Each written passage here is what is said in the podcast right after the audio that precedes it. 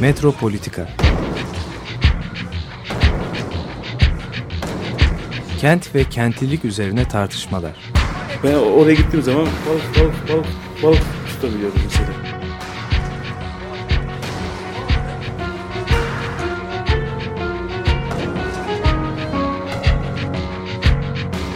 Hazırlayıp sunanlar Aysin Türkmen, Korhan Gümüş ve Murat Güvenç. Takusuyor ki. Kolay kolay boşaltamadılar. Yani elektrikçiler terk etmedi Perşembe Pazarı. Merhaba sevgili Açık Radyo dinleyicileri. Ee, yaz biterken e, yaz üzerine, yazlıklar üzerine bir program e, yapacağız bugün. E, 5 Eylül'de Salt'ta e, yazlık şehirlinin kolonisi diye bir sergi açılıyor. E, bugün e, sevgili Meriç Öner'le birlikte bu sergiyi e, konuşacağız. E, Meriç e, Salt'ta araştırma ve programlar yöneticisi. Aynı zamanda bu yazlık şehirlinin kolonisi sergisinin küratörü, fikir babası diyebiliriz. Tabii. Annesi. Annesi. Fikir annesi. Evet e, Meriç nasıl oluştu? Bu fikir nasıl gelişti? Biz birkaç e, yıl önce seninle konuştuğumuzda böyle bir bahsetmiştin. Sonra ben görünce çok memnun oldum. evet uzun bir zaman aldı hakikaten. Ya birkaç katmanı var aslında oluşma sebepleri var. Yani bir tanesi yazlıkçı olmam. Gerçekten böyle bir kendi deneyimim olması. Kuşadası'nda hani doğduğum bir yaşımdan itibaren e, ailemin ilk başlarda anneannemin aslında e, bir tipik yapsat müteahhit e, sitesinde e, evi var. Hep yazları orada geçirerek büyüdüm. İkincisi biliyorsunuz biz burada pek çok programda yaptık aslında.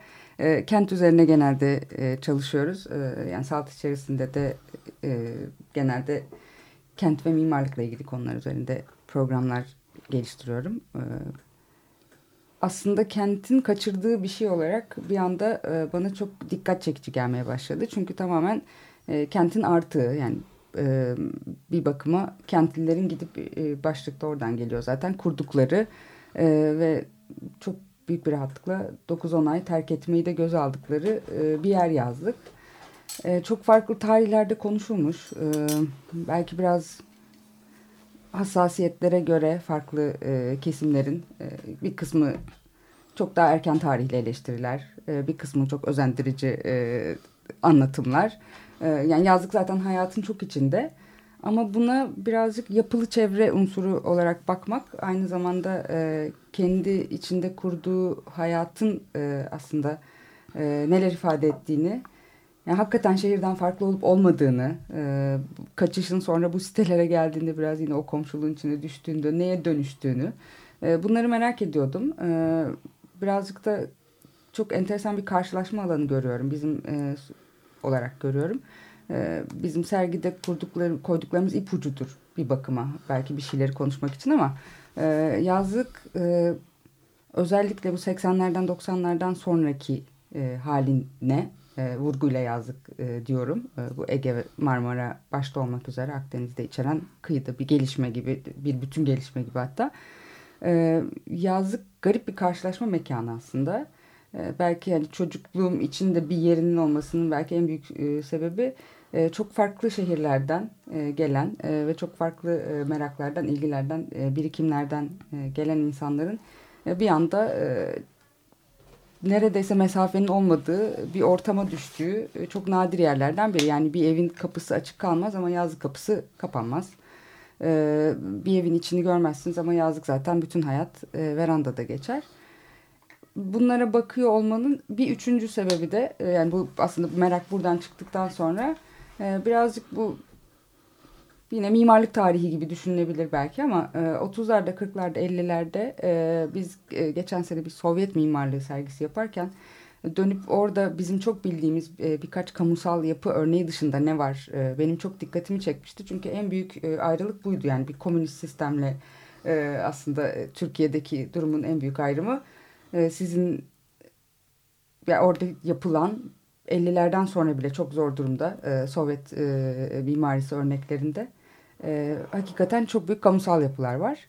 E, ama buna karşılık işte konutlar şimdiki TOKİ e, konutları E, burada özel mülkiyet olduğunda farklı bir durum var mı? E, bu soruya baktıkça da aslında bu yazlık evler, arkitekt özellikle o Mimarlar Odası'nın şahane veri tabanından online görebildiğimiz Arkitekt dergisi içerisinde e, böyle bir niş olarak duruyor. Yani her sayıyı geçtiğinizde bir iki tane yazlık ev e, örneği görüyorsunuz. E, hem e, telkin edilenler var. 30'larda zaten e, Abit Mortaş'ın mesela şöyle bir ev yapılabilir.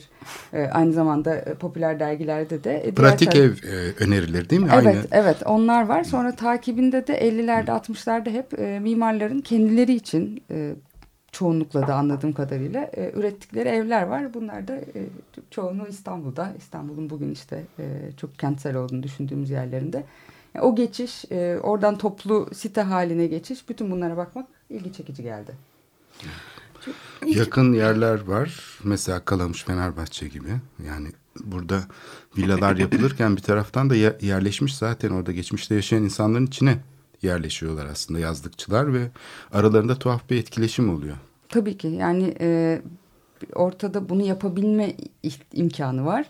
Ee, yine böyle bakarken aslında benim kendi kendime keşfettiğim e, Ahan ödül almış birçok projede hep bu yazlık ev e, yani Türkiye'deki belki bir şey yapabilme, bir kendi adına istediğin gibi bir konut yapabilme imkanı sanki hep yazlık ev üzerinden de e, geçmiş. Yani e, Sedat Gürel'in e, evet, bunlar, ailesi için yaptığı evi, evet, e, Türk Cansever'in Demir Tatil Köyü e, evet. aslında sadece kendisi için değil bir site gibi Fantezi örnekleri falan evet. mı demedim? Yani bir hayal e, kurgu çünkü mesela şeye bakınca daha çok hani yapsatçı apartmanlar Cihangir'de falan yapılıyor. Onlar da dönemin modasına göre tabii yani işte böyle modern yapılar falan ama mesela şeye gidince yazlığa bu iyice bir şey kazanıyor. Yani mimari bir deney alanı gibi öyle yapılmış yazlıklar var ki sahiden böyle modern mimarlık manifestosu gibi.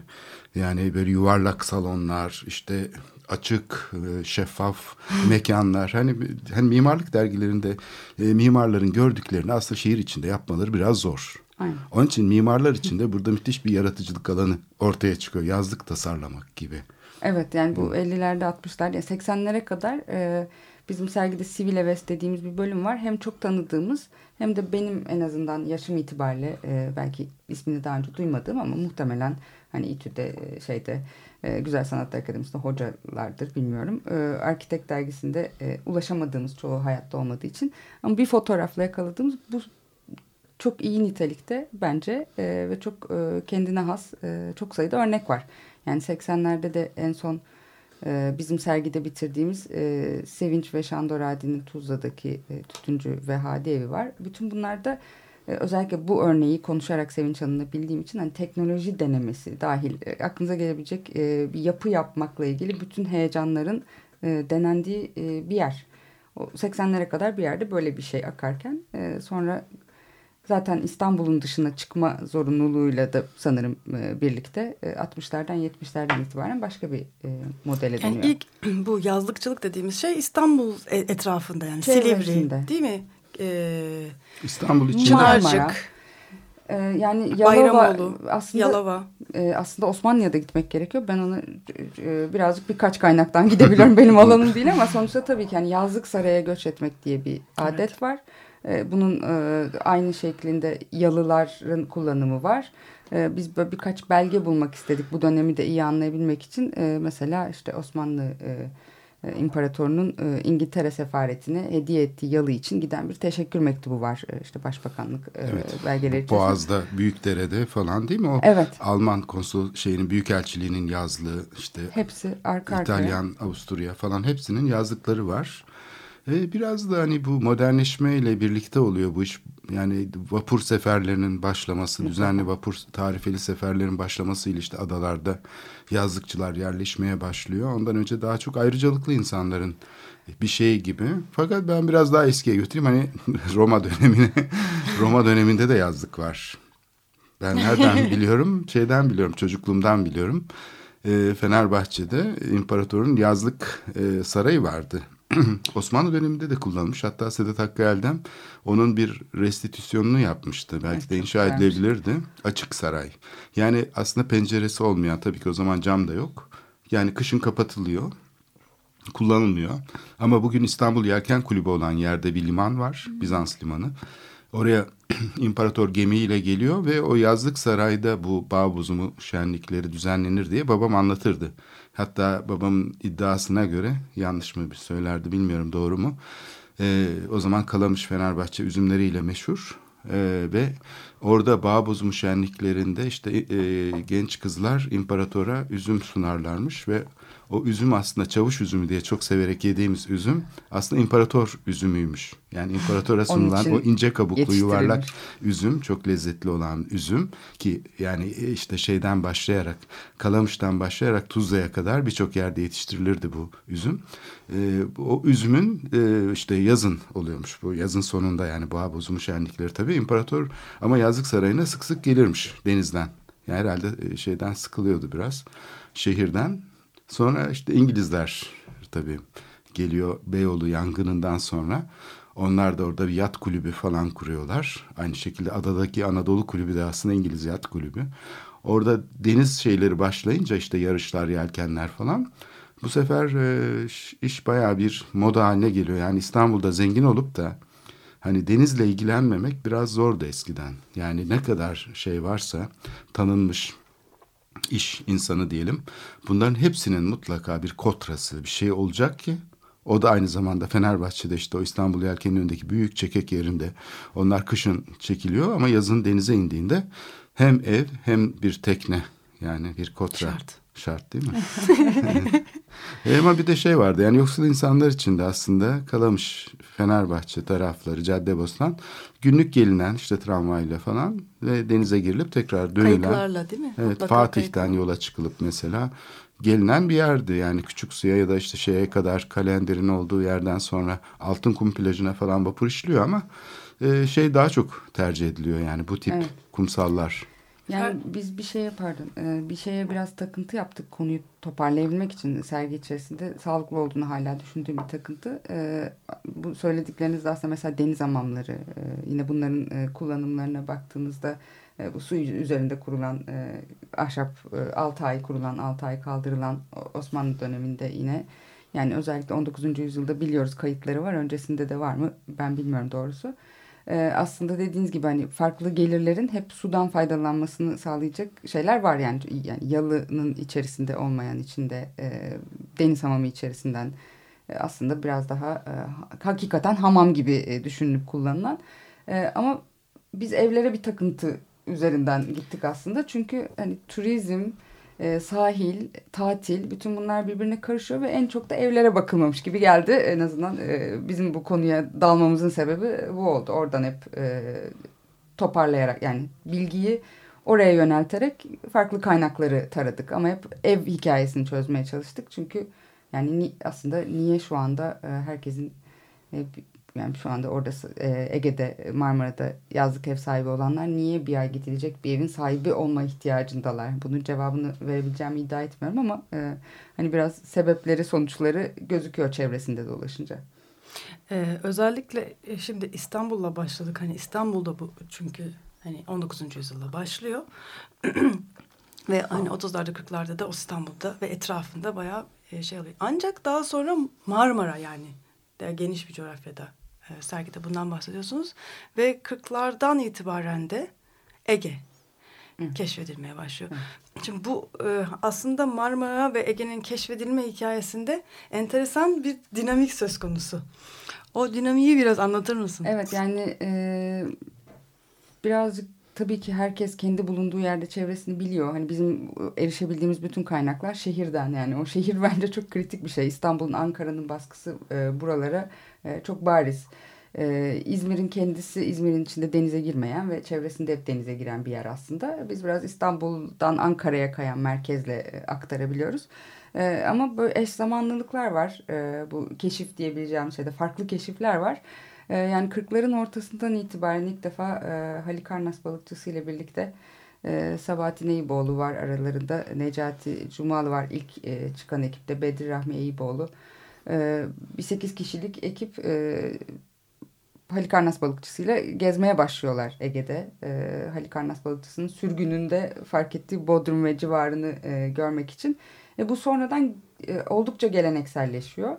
Ee, ve aslında hani senede 2-3 e, tura dönüşüyor. Bazen belki Halikarnas balıkçısı katılmıyor bile ama Sabahattin Eyüboğlu hep bunu e, devam ettiriyor e, uzun bir süre e, ölümüne kadar. E, ve bu zaman aralığında en çok Azra Erhat'ın yazdıklarını biliyoruz. Sonradan yine dönüp çok yazan da oldu. E, Mavi Yolculuğa katılmış olan e, sadece yazı değil ama başka türlü e, eserler de verenler var tabii ki.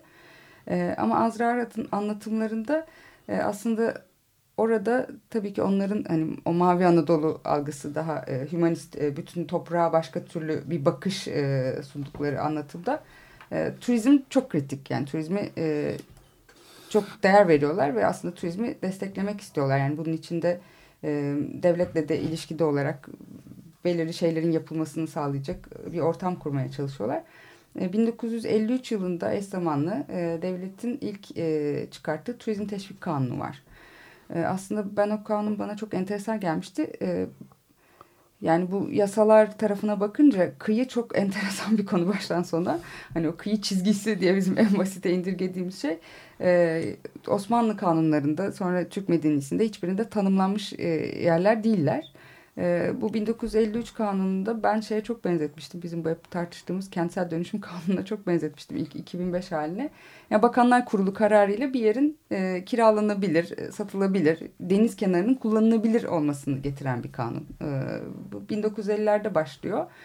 E, 1960'larda ise bu hafif hafif toplu konut e, dediğimiz örnekleri de görmeye başlıyoruz. Yani birkaç İlk başta kol var. turizm yatırımları için bir teşvik değil mi? Bu yani tabii. otel yapmak isterler ya da işte bir... Tabii zaten aslında şey. devletin teşviki hep tercihen turizme. Ee, hiçbir teşvik, konut teşviki değil. Ee, bu on, onların muhtemelen politikasıyla çok çelişen bir şey. Çünkü o zaman e, yani bir alanı neredeyse öldürmüş oluyorsunuz. Sürekli e, gelir sağlayabilecek e, bir alanı her şeyden önce. Konutların oluşmasına vesile olan aslında e, mesela birçok e, bugün kullandığımız şekliyle değil çok bambaşka bir modelle ön ayak olan e, Özer Türk isminde bir e, bürokrat var.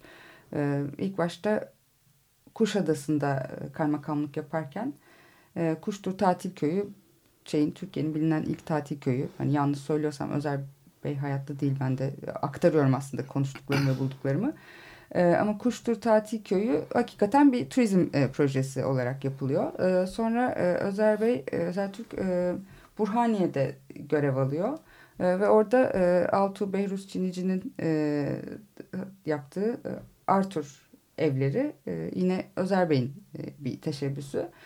Fakat çok enteresan ince bir model geliştiriyor. Çünkü bunu da Ersen Gürsel'den dinlediğim kadarıyla, Mimar Ersen Gürsel'den aslında niyet iç ve dış turizmi aynı anda canlandırmanın e, doğru olduğunu bilindiği için e, bu konutların yapılmasını yapılmasının ötesinde e, sahiplerinin bunları sürekli kullanımda tutmasını sağlayacak bir model oluşturmak. Yani siz aslında e, orta halli e, birisi olarak e, Arthur'da bir ev sahibi olabiliyorsunuz. E, aynı zamanda da e, bu evin e, sizin olmadığınız zamanlarda kullanılabilmesine de olanak tanıyorsunuz. Arthur'da sanırım denenmemiş ama Aktur'da Ersen Gürsel'le e, Öcal Ertüz'ün de projesini yaptığı e, Aktur'da model bu aslında. E, niyetlenilen bu 70'li yılların başı.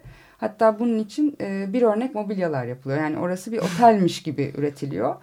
E, Bakımı falan ortak hizmetleri evet, var evet. değil mi? Kolaylıklar var. Çok ciddi bir altyapı çalışması hmm. var. Yani bunu çok vurgulamışlardı. Ben de sonra gittim araştırdıkça aradaki en büyük farkın bu olduğunu gördüm. Yani bizim 80'lere geçtiğimizdeki yapsat e, işte e, site e, ve şu anda biraz çöküntü alanına dönüşmek üzere olan, çöküntüde olan bu site kültürüyle biraz daha böyle incelikleri olan yerlerin en büyük farkı bu aslında. Yani Aktur bütün bir proje olarak Datça Aktur mesela Bodrum'da öyle. Bütün bir alan ve bir proje olarak düzenlenmiş bir şey. Diğerleri hani ada parsel apartman e, mantığında yapılmış yerler. Ee, ve işte Aktur'un bu niyeti bir zaman sonra işlememeye başlıyor. Çünkü işte hani en basit söyleyebildiğimiz herkes evini seviyor ve e, bunu bir şekilde paylaşır hale getirmek istemiyor. E, ama ilk model bunlar e, ve o arada e, hatta Oktay Rıfat'ın bir kitabından da bir alıntı sergiye koyduk. Yani bu arada 70'ler boyunca şey yürümeye başlıyor. Yani siz e, Ege'de arazisi olan bir köylü tanıyorsanız e, onu bir yapı kooperatif kurup e, eve çevirip e, satıp e, kar etme e, şeyine giriyorsunuz, çabasına giriyorsunuz. Öyle bir ortam doğuyor.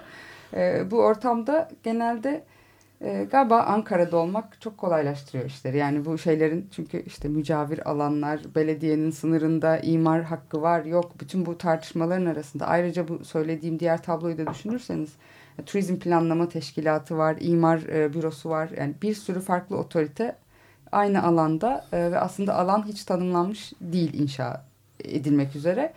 E, bütün bunlar içerisinde bir kısmı çok daha hızlı ilerleyen, bir kısmı yarıda kalan, hiç yapılmamış olan bir kooperatif e, ve sonra da zaten e, tamamen kanunlaştırıldığı için yani 80'lerden sonra Lejant'ta bir ikinci konut dokusu konduğu için yapsat e, biçimine dönüşen bir gidişat var aslında. 2000'lerde bambaşka bir hikaye var. Onu ben e, onun yani yaşıyoruz şu anda. E, o da aslında bir hani A plus gibi böyle marka proje gibi terimlerle e, Bodrum'da, Çeşme'de yani çok şu anda en meşhur olan ulaşımı çok kolay olan demek aslında o. E, uçakla ulaşımı çok kolay olan yerlerde başka bir dünya gidiyor bir taraftan. Şimdi böyle bir takım girişimciler var. E, ticari girişimciler işte yani bu yatırım şeylerini e, yönlendiren e, bürokratları falan da tanıyan girişimciler ama bir de bununla eklemlenen böyle bir e, şey topluluğu da oluyor bazen. Yani böyle hukukçu, üniversite profesörü falan. Öyle benim çok arkadaşım var. Annelerinden babalarından kalmış mülkleri olan işte Bodrum'da, deniz kenarında ya da başka yerlerde. Ama bakıyorsunuz yani o dönemin bütün e, insanları o kooperatife üye olmuşlar. Yatırım amacıyla mı? Yok. Belki de yaşamak amacıyla. Şimdi de çocuklarına kalmış. Çocukları da ikinci kuşak olarak aynı şeyi üçüncü kuşaklarla çocuk kendi çocuklarıyla birlikte aynı mekanları bu sefer e, tabii hisseler bölünmüş olduğu için paylaşarak kullanıyorlar. İşte yazın belli süreleri bir kardeş, diğer süreleri başka bir kardeş e, kullanabiliyor. E, peki bu şeyin ama içinde biraz daha böyle tekrar e, geriye dönersek yani bu inşaat furyası başlamadan önce hani bu tek yapı ölçeğinde farklı olmak. Ha, dünyada da bunun çok örnekleri var. Başka e, ülkelerde, İtalya'da falan. Böyle bir hani eksperimental bir şey gibi. Hani biraz da macera. Şimdi bugün hala sürüyor aslında akım. Yani tanımış mimarların ödül alan yapıları falan var. İşte yazın mesela geldiğinde öyle bir ev tasarlıyor ki temizliğe ihtiyaç olmadan içine girilebilecek. Mesela bu çok önemli bir kriter. Çünkü genellikle evle uğraşmaktan insan üç gün tatilini, beş gün tatilini heba ediyor diye. Mesela böyle özel tasarımlar, deneyler, işte ne bileyim yani kolaylıklar sağlayan ya da şeyleri keşfedip mesela ağıl gibi e, taştan yapılmış böyle eski yapıları keşfedip onları bir tür imar hakkı olarak da değerlendirip içine yerleşenler böyle yaratıcı fikirler yani. E, bütün Alaçatı bu fikrin üzerine kurulu zaten değil mi? evet. evet. Farklı biçimlerde kullanılıyor. Yani şu anda da bence zaten e, yani bu furya mı dönüyor mu duruyor mu hani onları tespit etmek belki çok kolay değil ama dediğiniz gibi şu anda yapılan aslında yani dünyada e, belki villa diye konuşulan konu en azından Türkiye'deki tercümesinde yazlık ev galiba. E, şimdi tabii daha uzun vadeli kullanılıyor olabilir. Yani garip bir şekilde bu mesela söylediğiniz e, bir ailenin çocuklarının burayı bölüşerek kullanmaya devam etmesi aslında bazı yerlerde e, bu yapılmış şeyler daha sürdürülebilir bir hayata doğru gidiyorlar. Hani bir sürü insan kullanmaya başlıyor. Ben bir liste yaptım bizim 1979'dan beri aynı evi kullananlar listesi.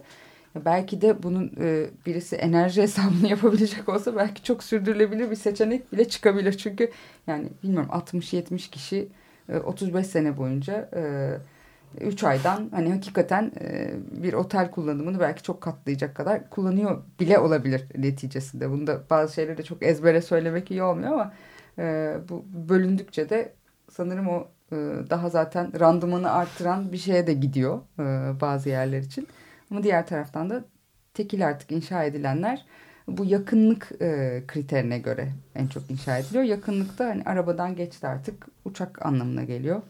Bu benim de daha marka proje vesaire diye söylediklerimde e, belli bir çap içerisinde belli havalimanlarına e, konumlandırılan e, yerler ve aslında ikinci ev daha o lafa doğru yani o tanıma doğru gidebiliyoruz. İkinci ev olarak kullanılıyorlar. Bir jenerasyonun biz benden büyüklerin artık emeklilik durumunda ikinci ev olarak daha uzun süreli kullandıkları yerlere dönüşenler de var ciddi anlamda. E, tamamen yerleşilen ve artık tek ev haline gelenler de var. E, tam o böyle çok enteresan bir dönüşümün eşiğinde duruyor ama bir yandan da yapılmaya devam ediyor. Yani Kuşadası'nda en azından gözle görülebilen o kadar çok kullanılmayan, e, satışı yapılmamış, yapılması mümkün gibi gözükmeyen bir taraftan e, evler var ki bir dengesini tutacak ortada hiçbir mekanizma yok ama herhalde kendi kendine eriyerek bir şeye oturacak 15 sene sonra başka bir şey konuşuyor olacağız muhtemelen. E, çok enteresan bir e, hakikaten dönemeç yani e, alt sınıf e, hani işçi sınıfı artık yazlıkçı olmaya başladı. Yani e, konuştuğum bir sürü taksi şoförü yazlıktan geldiğini söylüyor mesela. Evet benim de mesela ustalarla falan ilişkimde hep şaşırdığım şey budur. Abi yazlıktayım işte şimdi bir şeydeyim falan. hani orada bir ekonomi tutturmuşlar. Mesela işte Ege sahillerine bakarsak bazı kasabalar var yazlıkçı sitelerine dönüşmüş. Bunlar hani çok lüks konutlar değil. Ama çarşısı pazarı olan yerler pazardan alışveriş yapılarak mesela İstanbul'dakinden daha ucuza yaşanabilecek yerler. Dolayısıyla onun için e, orta ve alt sınıflarda şey var böyle bir şey bir yaz. daha bana enteresan geliyor. Ee, bunu da yine böyle diyorum ya çok farklı yerlerden aslında projeler çıkıyor. Ee, benim çok özel bir deneyimim ama e, e, bir eşimin bir akrabasıyla konuşurken bana şaşırarak e, Karadeniz'de yaşıyor sürekli. E, Fındıklı diye bir ilçede e, karıncayı gösterip karıncayı bilip bilmediğimi sormuştu. Yani çünkü ben hakikaten tamamen şehirde gelmiş bir ve ben de hakikaten o anda aslında karıncayı en çok Kuşadası'ndan bildiğimi fark etmiştim. Yani burada bu şehirlerin büyümesinin paralel e, hani kim olursa olsun e, yazlık ev sahibi olabilmesinin öyle bir geri gidecek e, çok da yani yaz vakti gidecek bir memleket olmamasına da ben bir yandan bağlıyorum. Yani buradan kalkıp e, iki haftalık, üç haftalık e, bir tatilde e, benim de gideceğim. Gitmem gereken, birileriyle buluşacağım. E, bir yer olmayan durumda sanırım bu e, yazlık yapılabilir. Daha cazip hale geliyor. Yani bir de biraz... doğayla bir ilişki. Yani şehirde tamamen kopmuş evet. olduğumuzda da karıncaya yakın evet, olmak. Evet, yani o, o, bütün hani ilişkileri de küçücük bahçeler. Biz bir grup öğrenciyle birlikte çalıştık. Birazcık bugün neler oluyor kendi tanıdıkları yazdıklarda e, tespitlerde bulunsunlar. Sonra atölyelere devam ederiz diye. E, ve hani yaptıkları en büyük tespit buydu. Herkes e, bir doğadan bahsediyor ama sonuçta aslında da gittiğimiz hani bir metrekare, iki metrekare toprak kimsenin kendisini ektiği bile yok belki bahçıvanıyla yapıyor ama böyle birkaç tane belki de düşünseniz çok gerçekçi olmayan e, belki biraz hayal olarak hala duran parametre var tabii ki bu yazlığa gitme e, hevesinde. Hani bir tarafı denizse bir tarafı e, dediğin gibi toprak, işte bir tarafı açık hava e, gibi. Tabii de yayla kültürü vardı. Onunla da bağlantılı var, bir noktası var. Tabii ki. Yaylaya Zaten çıkmak. aslında e, yani şehirde oturan yani hep yerliler kendi doğrularını buldukları için yani Antalya yaylaya çıkarken e, işte biz kalkıp İstanbul'dan Antalya'ya gidiyoruz gibi bir komik durum var aslında. Benim bu proje birlikte evet, tartıştığım birlikte e, bir kısmını araştırmanın yürüttüğümüz e, Alper Kurbak var. O Ayvalıklı. E, hani o, o taraftan bakıyor. Ben yazlıkçı tarafından bakıyorum. O da yani bizim hiçbir en sıcak olduğunu bildiğimiz yere gelip e, siteleri yaptılar diye anlatıyor. evet yani, ben de geçen coğrafya olarak. aynı sözü duydum duydum. Yani sahilde yerleşim çok moda bir şey demiş. Özellikle yazın yaşanmazmış. Mesela bir, gibi de değil evet, hala da Asos, aslında. Küçükkuyu falan gibi yerler eski depoların oldu. Yani sadece zeytinyağı işte şeyleri ticaret sırasında depolama işinin görüldüğü yerler ya da fabrikaların oldu. Çünkü onlar denizle ilişkili olmak zorunda. Ama insanlar özellikle yazın da, e, dağın arka tarafında yerleşiyorlarmış. Yani bütün Kaz Dağları falan dağlarda yerleşim dikkat ederseniz denizde değil. Ya deniz kenarı yani gülerlermiş yani deniz kenarında eğer birisi oturmaya falan kalkarsa bu deli mi nedir yani deniz kenarında oturulur mu diye dalga geçerlermiş. Evet yani şimdi sonrasındaki bütün böyle birkaç tane e, nasıl diyeyim planlama anlamında da sanki e, şey çıkıyor. E, şart. E, herkesin evi denizi görmezse evi satamayacaksınız. Yani ve bütün bunlar aslında bütün o güzel topografyaların içinde başka şeyler yapma imkanlarını falan yutan ezbere şeyler yani bugünkü yapılaşmanın en sıkıntılı yanlarından biri bu çok tipik beklentiler. Yani o rezidans beklentisinin e, yazlığa aktarılmış hali. O dediğiniz deneysel şeyler çok aslında az kalıyor bir taraftan da yani çok e, tekil örnekler olarak kalıyor tabii ki. Evet, neoklasik bir şey e, diye bakabiliriz aslında bu yazlık ve doğaya e, dönüş şeyine. Hani İstanbul'da ilk e, şeyden başlayarak e, modernleşme döneminde e, periferiye doğru genişleyen öyle tek tek binaların yapıldığı artık şehir nizamını terk edip villa nizamına dönüldüğü bir e, şey var. Bunun şehirlerde de böyle ikili bir karşıtlık oluşturduğunu görebiliyoruz. Mesela Ayvalık'ta işte bir şehir var. Öbür tarafta da Çamlık diye böyle tamamen mimarlara yaptırılmış ayrı villalar zenginler için.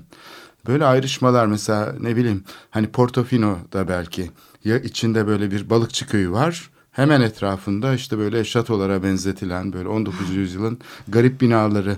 E, bu ikilem e, şeylerde çok e, görülüyor. Mesela e, Gdansk'ta işte bir bildiğimiz şehir var. O bir ticaret limanı falan. Hemen yakınında işte özellikle iç bölgelerden gelen insanların Baltık Denizi'nde şey yapabileceği ahşap yapılardan bizim büyük adaya benzeyen ama terk edilmiş. Yani şey döneminde İkinci Dünya Savaşı'ndan sonra oradan Alman zenginleri kaçtığı için e, terk edilmiş muazzam bir kasaba gibi bir şehir gibi yazlık sitesi var. Muhteşem evlerin olduğu falan. İnsan şaşırıyor böyle doğanın ortasında kalmış bir şey. Terk edilmiş yazlıklar insanı çok etkiliyor yani manzara olarak. Burada bir zamanlar neler oluyordu? Dans edilen pistler bilmem neler falan hepsi böyle arkeolojik kalıntı gibi duruyor. Evet. E, isterseniz kısa bir e, yazlık müzik arası verelim. E, Şehrinin Kolonisi Yazlık e, adlı sergi üzerine konuşuyoruz. E, ve e, bir yazlıkçı parçası geliyor. E, Sezen Aksu'dan dinliyoruz. Şinanay.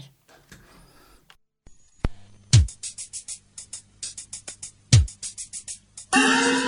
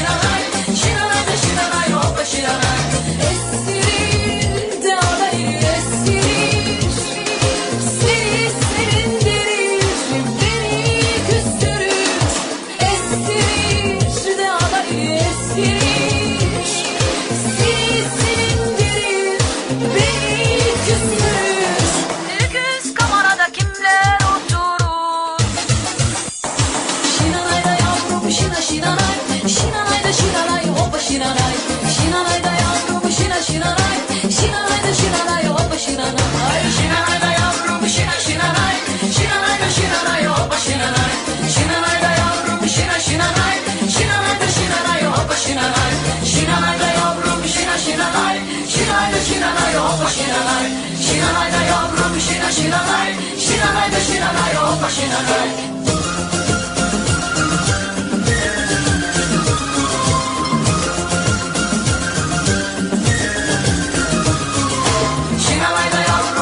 知らない知らないで知らない。おっ知らない知らないだよロビ知ら知らない。知らないで知らないおっ知らない。知らないだよロビ知ら知らない。知らないで知らないおっ知らない。Şinanay da yavrum şina şinanay Şinanay da şinanay hoppa şinanay Şinanay şinanay Evet Sezen Aksu'dan dinledik Şiranay adlı şarkıyı. Ee, ve e, yazlıklar üzerine, yazlık evler üzerine olan programımız sevgili Meriç Öner'le devam ediyor. Ee, Şehrinin Kolonisi Yazlık adlı e, sergi e, Cuma günü 5 Eylül'den itibaren Salt'ta gezilebilir. Ee, bu arada e, Murat Güvenç de e, aramızda. O da bize telefonla bağlantıyla katılacak. Merhabalar. Merhaba. Nasıl sesim geliyor mu? Evet sesiniz geliyor. Sizi duyuyoruz. Ee, benim bir sorum daha olacak. Belki sonra siz de e, Meriç'le e, bazı sorular yönetmek, yönetmek istersiniz. E, şimdi e, 90'lara kadar sanırım sergi. Değil mi? 90'lara. Evet, o, o tarihlere kadar gelmek daha uygun. E, bu e, 90'larda e, hani üst orta sınıfın yazlık tercihlerinde değişiklikler başlıyor. Çok fazla yazlığı tercih etmemeye başlıyorlar hani. Trendleri belirleyen bu üst orta sınıf. E, burada da önemli başka bir dinamik ortaya çıkıyor. 90'larla e, birlikte şehir içinde özellikle İstanbul'da kendi sitelerinde oturmak isteyen bu Kemer Evet. Country ile başlayan başka bir e, süreç var. Başka bir dinamik var. E, yazlıkları bu da çok etkiliyor ve aslında enteresan bir şekilde de sanırım yazlık site kavramından da bu site bir talep de var. Yani aslında şimdi Murat Hoca da telefondayken bence ona soralım. Ben şöyle düşünüyorum. e, bir şekilde e, bize bunlara yani kapalı sitelere e, Amerikan modeli diye en basit tabiriyle e, konuşuyoruz. Ama hakikaten o 70'lerde 80'lerde bir kurulmuş tatlı hayat var Ege Akdeniz'de bu şehirlerde yaşayan insanlar tarafından. E, onların e, bu hayatı şehirde tekrarlama yönünde bir talepleri e, olduğunu ya da böyle de yorumlanabileceğini kapalı sitelerini düşünmüştüm. Hocam siz ne dersiniz? Şimdi tabii e, şöyle bir şey var. Bu Türkiye'de biliyorsunuz e, 1900 yani 80'li yıllar pek çok bakımdan bir dönüş kırılma noktası olarak biliniyor. Yani 80'li yıllar aslında Türkiye'de işte neoliberal iktisadın e, doğum günü sayılabilir. Yani bu 24 Ocak kararlarıyla filan başlayan bir dönemdir. O döneme girildiği zaman Türkiye e, bu e, 70'lerin sonundaki krizi çok kötü yaşamış bir ülke olarak çok böyle e, yüksek bir enflasyonla başladı. E, ve pek çok e, konut sunum biçiminde yaşam tarzında önemli değişiklik oldu. Yani konut konut sunum biçimi e, değişti derken şöyle bir şey oldu. 80'li yıllarda toplu konut kanunu çıktı. Onu e, hiç unutmamak lazım. E, bu toplu konut kanunu Türkiye'de konut sunum biçimini e, küçük üreticilerin icra ettikleri ve kooperatiflerin de örgütleyici olduğu bu siteler, tatil siteler olduğu bir modelden daha çok e, böyle toplu konut idaresinin finansman sağladığı ve talebi örgütlediği e, bir modele e, geçildi. Fakat bu dönemde bu tatil siteleri meselesi şuradan çıktı. E, 80'li yılların ilk başında bu neoliberalizme geçmesine geçilmesine rağmen geçildiği dönemde faizler önemli ölçüde düştü. Fakat hala %30-35 40 civarında e, seyrediyordu ve bu e, bizim e, şehirlerde e, toplu konut ihtiyacının e, şey banka e, ve batılı modelde yani talebin işte bu mortgage yani e, şey işte e, ipotekli krediler e, üzerinden alınmasını engelliyordu. Şimdi şeye geçildiği zaman e, buradaki en büyük problem bu sahil meselesine oradan geleceğiz. E, arazi fiyat, kentlerde arazi fiyatları çok yüksekti. Arazi fiyatlarının görece daha düşük olduğu yerler ise o tarihlerde kıyılardı. Kıyılar olunca e, şehirde iş yapma e, imkanı olmayan kooperatifler bütün Türkiye'nin 80'li yıllarda e, sahillerinde sahil kooperatifleri yaptılar. O kadar yaptılar ki bugün Edremit'ten e, şeye kadar gidin, Antalya'ya kadar gidin. Hemen hemen sahilde e, konut yapılabilecek her yere birer e, sahil kom şeyi kooperatifi e, kondurulmuştur. Bu tabii e, insanları hem e, enflasyona karşı koruyordu hem toplu konut idaresine bir e, yatırım yapma imkanı e, yani parasını değerlendirme imkanı sağlıyordu. Fakat tabii e, kaynakların kullanılması açısından da bu sahil siteleri yani insanların efendim e, yani yazın hani en, en fazla e, bir ay 45 gün kullandıkları e, sitelerdi. Onda, on, o, o yüzden sonra e, şey bu yaşam tarzı 80'lerde yani işte üst orta sınıfın bir şehirde şehirde evi bir de bir sahil sitesinde bir kooperatifte bir küçük e, dairesi olması biraz hani olmazsa olmaz şeylerden e, bir tanesiydi. Bu tabii belki bunu biraz daha böyle geniş düşünmek lazım. Bugünkü gençlerin çoğu, üst orta sınıfın gençlerin çoğu çocukluklarını, yazları buralarda geçirdiler. Ama 90'lara büyüdük, 90'larda artık erişkin hale geldikleri zaman bu siteler artık yeni şeyde, dönemde onlara e, anne babalarına e, olduğu kadar çekici gel olmamaya da başladı. E, bu dönemde doğurganlık, yaşam tarzı filan da çok e, doğurganlık düştü.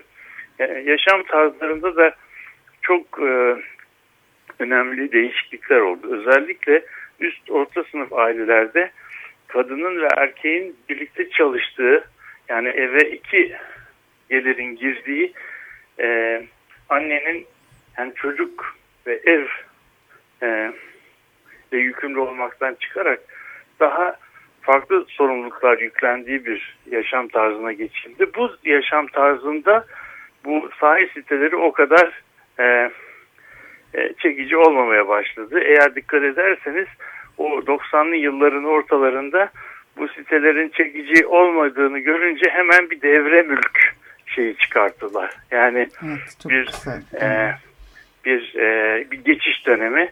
Yani büyük bir site yapılıyor ama eskiden eskiden olduğu gibi bunu kooperatifler yapmıyor, bir şirket yapıyor.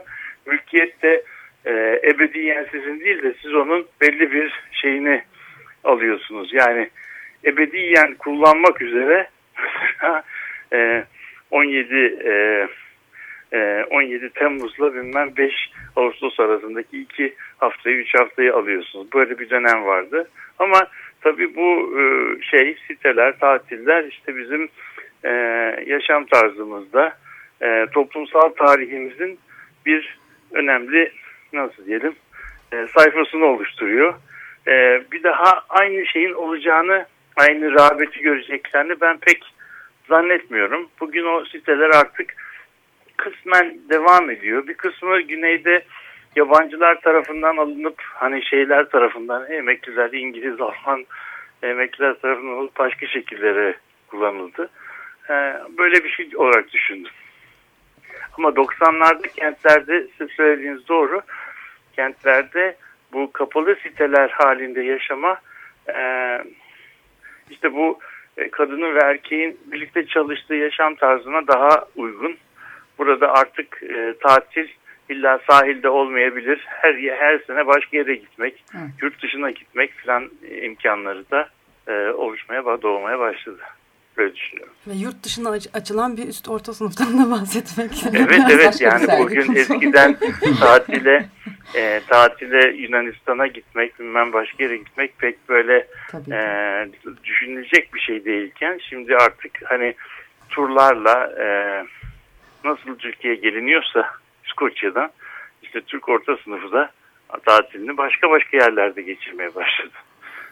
Yani bu tatil e, profillerimizin değişiminde çok önemli bir şeye e, tekabül ediyor bu bizim sahil yerleşmeleri. Ee, çok teşekkür ed- ediyoruz. Ee, programın sonuna e, yaklaştık e, Murat Bey. E, o yüzden e, Meriç'ten biraz da bu sergiyle ilgili e, e, şey istiyorum. Hani e, Paralel sadece program. paralel programları anlatmasını istiyorum. Bir sürü konuşma var sanırım. Evet, evet. Atölyeler Evet. var. Sinema e, Peki. programı var.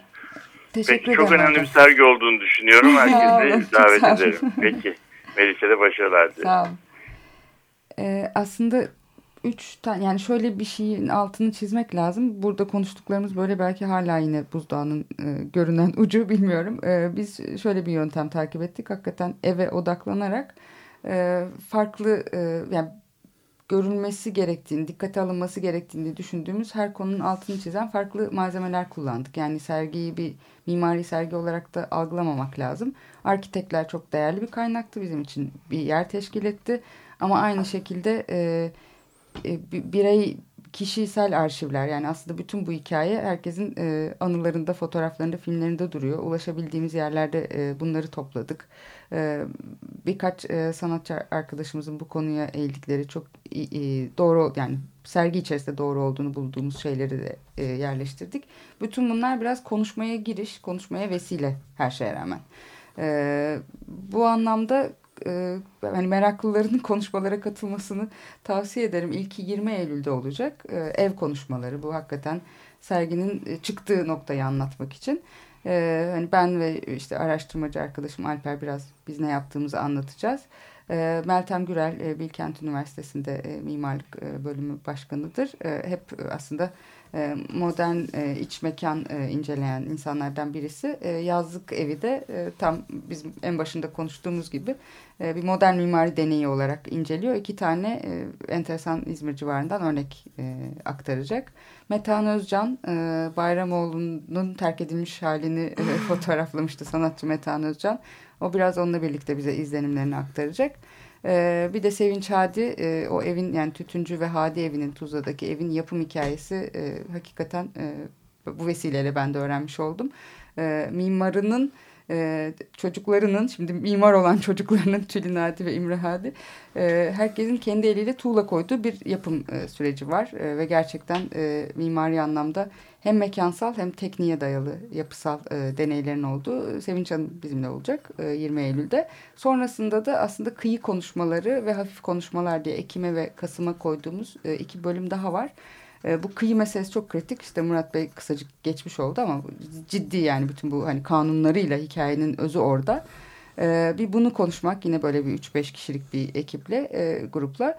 E, bir de hafif konuşmalarda da mobilya hikayesine azıcık dokunmak istiyoruz. Serginin ana malzemelerinden biri aslında. E, 8-9 tane 40-50 sene arası mobilyamız var sergi içerisinde. Hafif yani evet. mobilya. Hafif Yani mobilyalar. hafif e, Yazlık plastiğe geçene kadar. Yani. Konut da bazen hafif oluyor. Mesela Evet. Bayramoğlu aslında benim de hani bizim de yazlık vardı orada. Bizim de.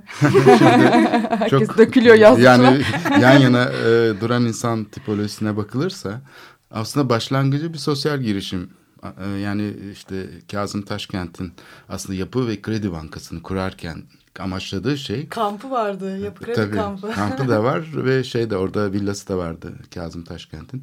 Yani bu şey e, büyük bir e, model. İkinci Dünya Savaşı sonrasında birdenbire özel sektör büyük sermaye yoğunlaşmasıyla konut sektörüne girmek istiyor. Ama devlet dur bir dakika diyor ve yapı ve kredi sadece isminden ibaret kalıyor.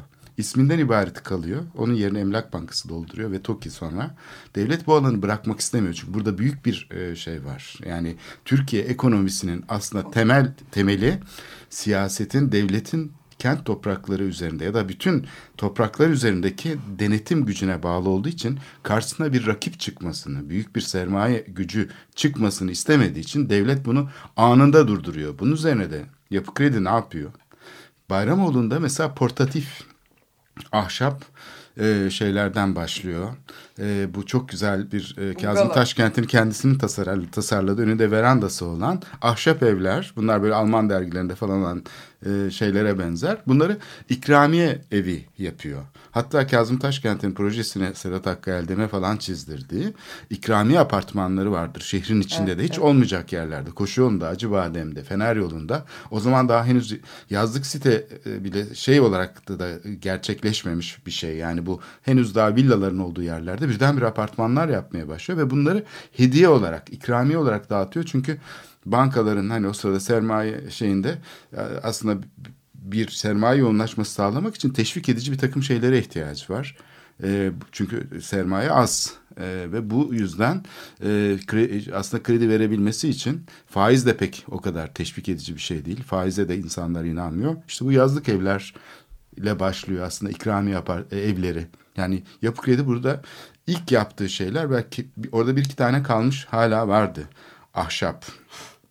Onlar böyle arka planda kalmış ama İstanbul'un bütün entelektüelleri de e, oralarda yerleşiyor. Yani büyük e, bir şey var. Yani bir şehir, bir ütopya aslında o.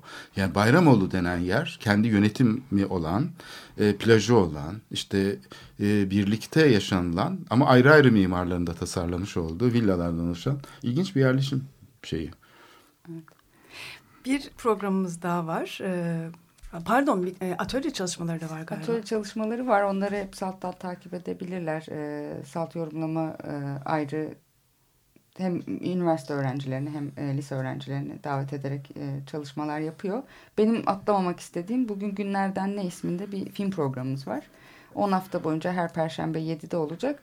Burada da aslında konuşamadığımız diğer coğrafyaları da ele almaya vesile aslında uzun metrajlı filmlerdir. Yani mesela e, e, ismini söyleyemem. Jean-Luc Godard'ın e, Villa Malaparte'ın olduğu content şeyini de, Türkçesini kesinlikle söyleyemedim.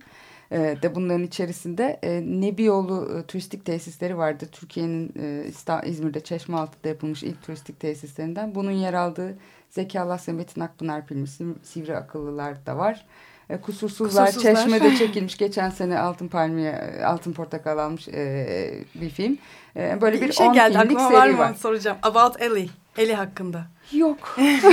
Ama yani... O da e, İran'ın e, yazlık e, kültürünü anlatan bir film. Çok Türk ilginç. filmlerinde Florya falan vardır ama. Ee, yani biz Ya. Türk filmi olarak e, Türk filmlerinde evet hep o görüntüler vardır. Biz sivri akıllıları özellikle kusursuzları çeşme olduğu için arkadaşı da Yılmaz Güney'in arkadaş filmini de e, Silivri'yi e, gösterdiği için seçtik. Yani bir seçki yapmış olduk. 10 tane e, farklı ülkelerden e, film gösterimi var. Onu takip edebilirler. Yani ek programın ötesinde kendi başına bir program oldu aslında yani. Aa, harika bir program bizimkisi de oldu. Çok teşekkür ediyoruz. Ben çok e, teşekkür ederim. Destekçimize de teşekkür edelim İsa Ülker'e. E, bu arada sergiyi kaçırmayın diyoruz. 5 Eylül'de başlıyor. Yazlık şehrinin kolonisi. İyi haftalar diliyoruz.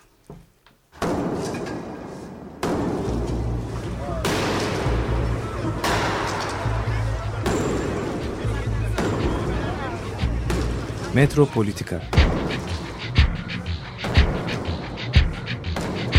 Kent ve kentlilik üzerine tartışmalar. Ben oraya gittiğim zaman balık balık balık balık tutabiliyorum mesela.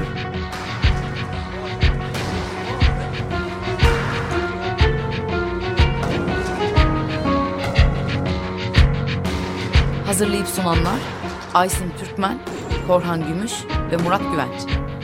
Takusu yok yani. Kolay kolay boşaltamadılar. Yani elektrikçiler terk etmedi Perşembe Pazarı merkezini. Açık Radyo program destekçisi olun. Bir veya daha fazla programa destek olmak için 212 alan koduyla 343 41 41